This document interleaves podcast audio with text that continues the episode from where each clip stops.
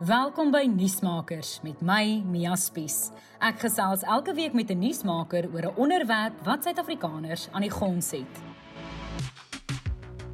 Dit is 6 weke sedert Rusland Oekraïne ingeval het. Sedertdien is duisende mense dood en miljoene mense is ontwortel. Volgens die jongste syfers het meer as 4 miljoen mense al uit die oorlog getuisterde land gevlug. 'n Suid-Afrikaner wat al 26 jaar lank in Oekraïne woon, Michelle Potgieter, is nie een van hulle nie. Sy het besluit om agter te bly en te help. Michelle sluit nou by my aan uit haar tuisdorp Rennie. Michelle, die laaste keer toe ons gesels het, het Rusland pas Oekraïne ingeval. Dis nou 6 weke later. Hoe was die laaste 6 weke vir jou? Ja, dit is erg om te sien hoe die hoe alles net erger geword het oor die afgelope 6 weke, hoe dit meer intensief geword het. Die fotos wat ons sien, die stories wat ons hoor. Hier is so baie mense wat in ons dorpie aankom, wat vlugtelinge is uit Mariupol, uit Kiev, uit Kharkiv en hulle kom hier aan en hulle het net die klere aan hulle lyf en hulle het gevlug deur bos in die nag met klein kindertjies en dis hartverskeurende om al hierdie stories te hoor en dit kom al hoe nader en nader aan ons aan ons huis. En hierdie afgelope paar dae is um Rusland besig om meer in in die suide in te beweeg en nader aan ons en hulle begin meer op um Odessa konsentreer en op Nikolaev wat baie nader aan ons is. En meer en meer mense stroom na ons dorpie toe.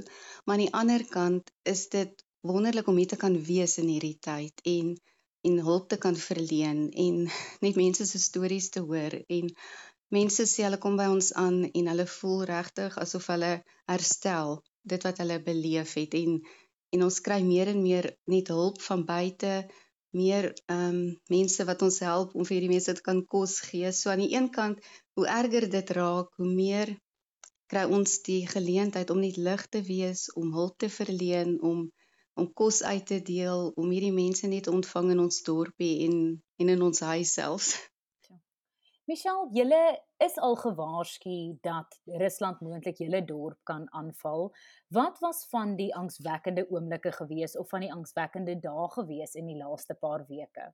Mens mens kry op jou telefoon kry jy soos 'n app wat wat jou wat jou ehm um, waarsku wanneer daar 'n dreigende aanval is.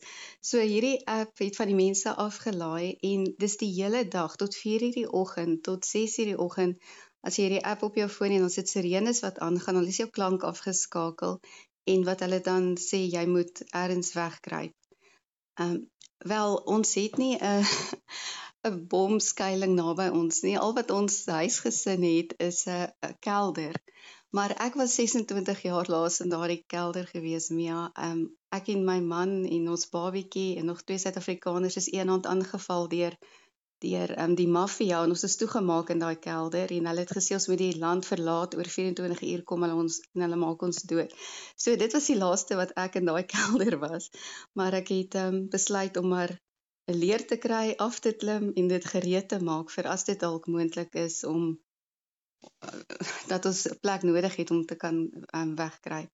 Jy sê die aanvalle kom nader. Hoe naby praat ons hiervan? Is dit kilometers? Is dit in julle buurdorpe en hoe laat dit jou voel? Ja, die laaste die naaste ehm um, missiel wat geval het is omtrent so 50 km van ons af in 'n buurdorp. En Odessa wat nou hierdie vreeslike aanvalle beleef het, veral op die petrol en olie ehm um, houer plekke um, waar die erge vure is is so weet jy as die kraai vlieg seker so 300 km van ons maar dit lyk net asof Rusland meer en meer op ons deel gaan begin konsentreer en hierdie jy weet in die suide in gaan beweeg en die plekke wat hulle vroeër ehm um, Kiev en Mariupol en daai plekke begin hulle nou meer opgee en lyk asof hulle nou van hierdie kant af gaan begin konsentreer. Weet jy mens mens raak as jy na alles kyk wat aangaan, maak dit 'n mens baie senuweeagtig. Dit maak mens bang. Jy sien hoe mense reageer, maar Mia, ek weet ek moet hier wees en ek weet dat ek hier is met 'n doel en ek voel net ek kan nie my mense hier los, die gemeente, die kindertjies los en net wegvlug nie. En ek en my kinders, ehm um, twee van my kinders is nog by my, twee van die vyf. Ehm um, ons een seun het vanmôre 6 uur is hy Duitsland toe. So dis ek en die twee jonger seuns wat nog hier oor is en ek voel om dat ons nog hier moet bly. Hulle stem saam en ehm um, ja, so ons is nog hier, maar ek voel vrede in my hart en ek weet dat ons onder die Here se beskerming is en sy hand oor ons is en ons kry soveel skrif, soveel bemoediging, so baie mense in Suid-Afrika en reg oor die wêreld wat vir ons bid en intree. En as ek sien wat hier gebeur, wat hoeveel mense kom hier in wat ons net voor kan bemoedig en en um, net net help in hierdie tyd. En weet jy, ons kry soveel hulp van Suid-Afrika en van um, ander lande om humanitêre um, hulp in te bring, kos, klere, medikasie. En ons gemeente raak net soos 'n stroom om hierdie kos in die land in te bring. En ons het gister met die burgemeester gepraat om dit dieper in in um, Oekraïne in te neem na die plekke toe waar daar soos Mariupol, Kharkiv, dat daar trokke daar ingaan en kos en medisyne so intoe neem. So ek voel nie dat ek dit net alles kan los en vlug nie, maar dat ek hier moet wees op die grond om om te doen wat ek moet doen.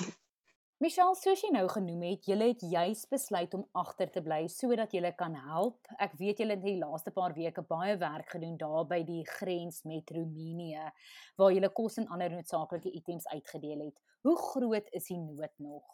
Ja, daar's heeltyd maar nog mense wat wat land uit vlug, wat in die tou staan met die land uit te gaan. Party daar minder, party daar meer. Party daar is daar van die vragmotordrywers wat tot 3 dae op hierdie grens sit en wag en jy weet nie hoe dankbaar hulle is as jy vir hulle 'n bakkie warm sop of kos gee of net 'n koffie gee. So en dit was yskoud, jy weet 4 weke gelede en die mense het in rye in die koue gestaan. Dit word bietjie warmer en ons hou maar die grens dop. As ons het mense daar van die Rooikruis wat ons sê as daar weer 'n lang ry is, tou is mense wat wat ehm um, daar lank op die grens staan, dan kom help ons met wat ons kan. Maar daar's baie mense wat in ons dorp ehm um, op hierdie stadium bly. Ehm um, omtrent almal in die gemeente, as daar 'n oop kamer is, neem hulle mense in en ons gee elke dag gratis etes uit in die kerk vir vlugtelinge of enige iemand in die in die dorp wat wat honger is. Wat ehm um, want kos is skaars en daar's so baie vlugtelinge wat wat elke dag nuwe mense wat na ons kerk toe kom en kom eet en ons sit net by hulle aan die tafel deel met hulle luister hulle stories bemoedig hulle en baie van hulle is so getraumatiseer. Daar's vrouens wat in die motor na ons toe uit flou geword het.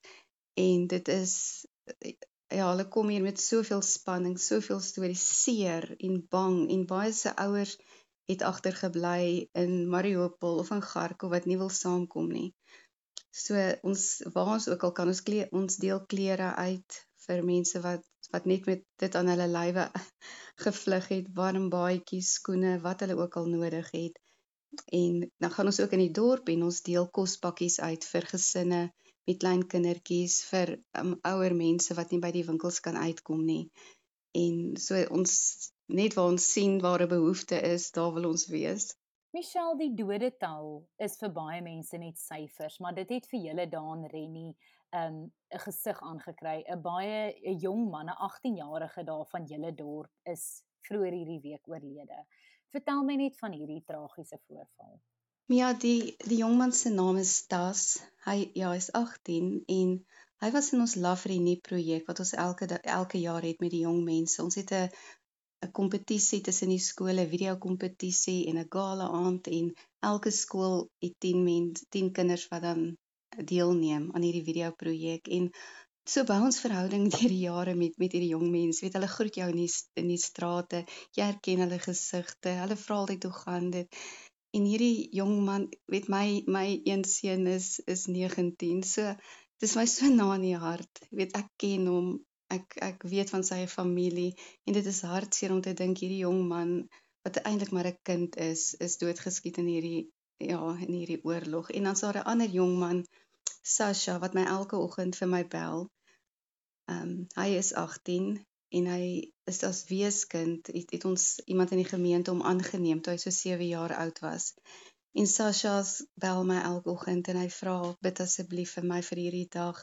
Wat moet ek doen? Ek wil nie iemand doodskiet nie en en dat ons maar net saam met hom bid en saam met hom hierdie pad stap en hy het vanmôre weer net vir gesê hy hy waardeer dit so baie dat hy met my kan praat en dat ek hom kan bemoedig en saam met hom bid. En dit ja, dit dit er kom net al hoe nader en mens hierdie die mense wat na ons toe kom, vertel van familielede van hulle, van van hulle bure wat wat in 'n ry gestaan het om brood te koop en dat daar 'n bom geval het en dat dat van hulle vriende, familie dood is terwyl hulle in die ry gestaan het. So dit raak 'n mens net so erg. Weet jy, party dae voel jy wel omtrent net die hele dag gehuil oor al die stories en dis hartverskeurende, maar die volgende oggend die Here kom net en gee vir mense nuwe krag, visie en wys net hoe mens kan vir hierdie mense net help en liefde wys en en help hierdie pad van herstel. Michelle, die trauma waardeur die mense in Oekraïne gaan is absoluut tasbaar vir julle. Hoe sal jy die situasie daar beskryf op die oomblik vir iemand wat nie daar is nie? Ek dink baie keer in die media na 6 weke in die begin net dinge baie mense geskok, maar nou ehm um, ja, dis nie noodwendig meer nou hoofnuus wêreldwyd nie. Tog vir julle soos wat jy nou verduidelik het, is dit iets waarmee julle elke dag mee saamleef, hierdie trauma. Vertel my net iemand wat in Suid-Afrika sit of van 'n ander land sit. Ehm um, hoe is die situasie nou? Alles wat ons hoor, dit is verskriklik traumaties. Ek kon nie myself nooit so iets indink nie en dit is dis so erg om al die stories te hoor. Vanmôre kyk ek net na 'n fotootjie van van 'n ma 'n foto van 'n klein kindjie van so 2 jaartjies oud wat die ma op op die ruggie geskryf het in Russies haar telefoonnommer naasbestaandes. So as die ma doodgemaak word, doodgeskiet word, dat hulle die kind nie net in 'n kinderhuis sal sit nie, maar sal 'n na, naaste familielid kry. So elke mens loop met daai met daai angstigheid, met daai bang dat weet hulle weet of hulle môre gaan sien nie of hulle kindertjies of dit dit is regtig dis angswekkend. Dan is die groot hoop natuurlik op die oomblik dat daai vredesgesprekke tussen Rusland en Oekraïne op iets sal uitloop. Ehm um, daar was net die laaste paar weke hier dit gelyk of dit um, meer suksesvol is. Hoe voel dit daar op die grond? Dink julle hierdie oorlog staan einde se kant toe en dat die twee lande 'n uh, middelpunt sal vind of voel julle op die oomblik nie of die einde in sig is nie? Ja, om jou eerlik te sê, as mens so na alles kyk wat hier aangaan en jy kyk wat Rusland doen, ehm um, as jy menslik daarna kyk, lyk dit nie of dit gou gaan eindig nie en mense hier het nie hoop dat dit vinnig gaan eindig nie. Dit is baie hartseer, maar in elk geval bid ons daarvoor en ons tree in dat dat dat dit tot 'n einde sal kom. Ons weet nie wanneer nie. maar ons is hoopvol, maar die mense hier glo nie dat dit dat dit vinnig gaan eindig nie. Hulle dink nie dat Putin so gou sal opgee nie en veral dat hy ook na na Oekraïne dat hy in plekke soos Latwië en Poland en die, en Belarus en verder sal gaan. So as dit nie gestop word nie, dan kan dit net nog erger word. Nuusmakers met Mia Spies is 'n produksie in samewerking met die Potgooi Produksiehuis Waljem. Ons vervaardigers is Roland Perolt en Kairen Blau. Die nuusmakers span neem 'n kort produksiebreek en is dan weer in Mei terug met nog interessante gesprekke met nuusmakers in Afrikaans.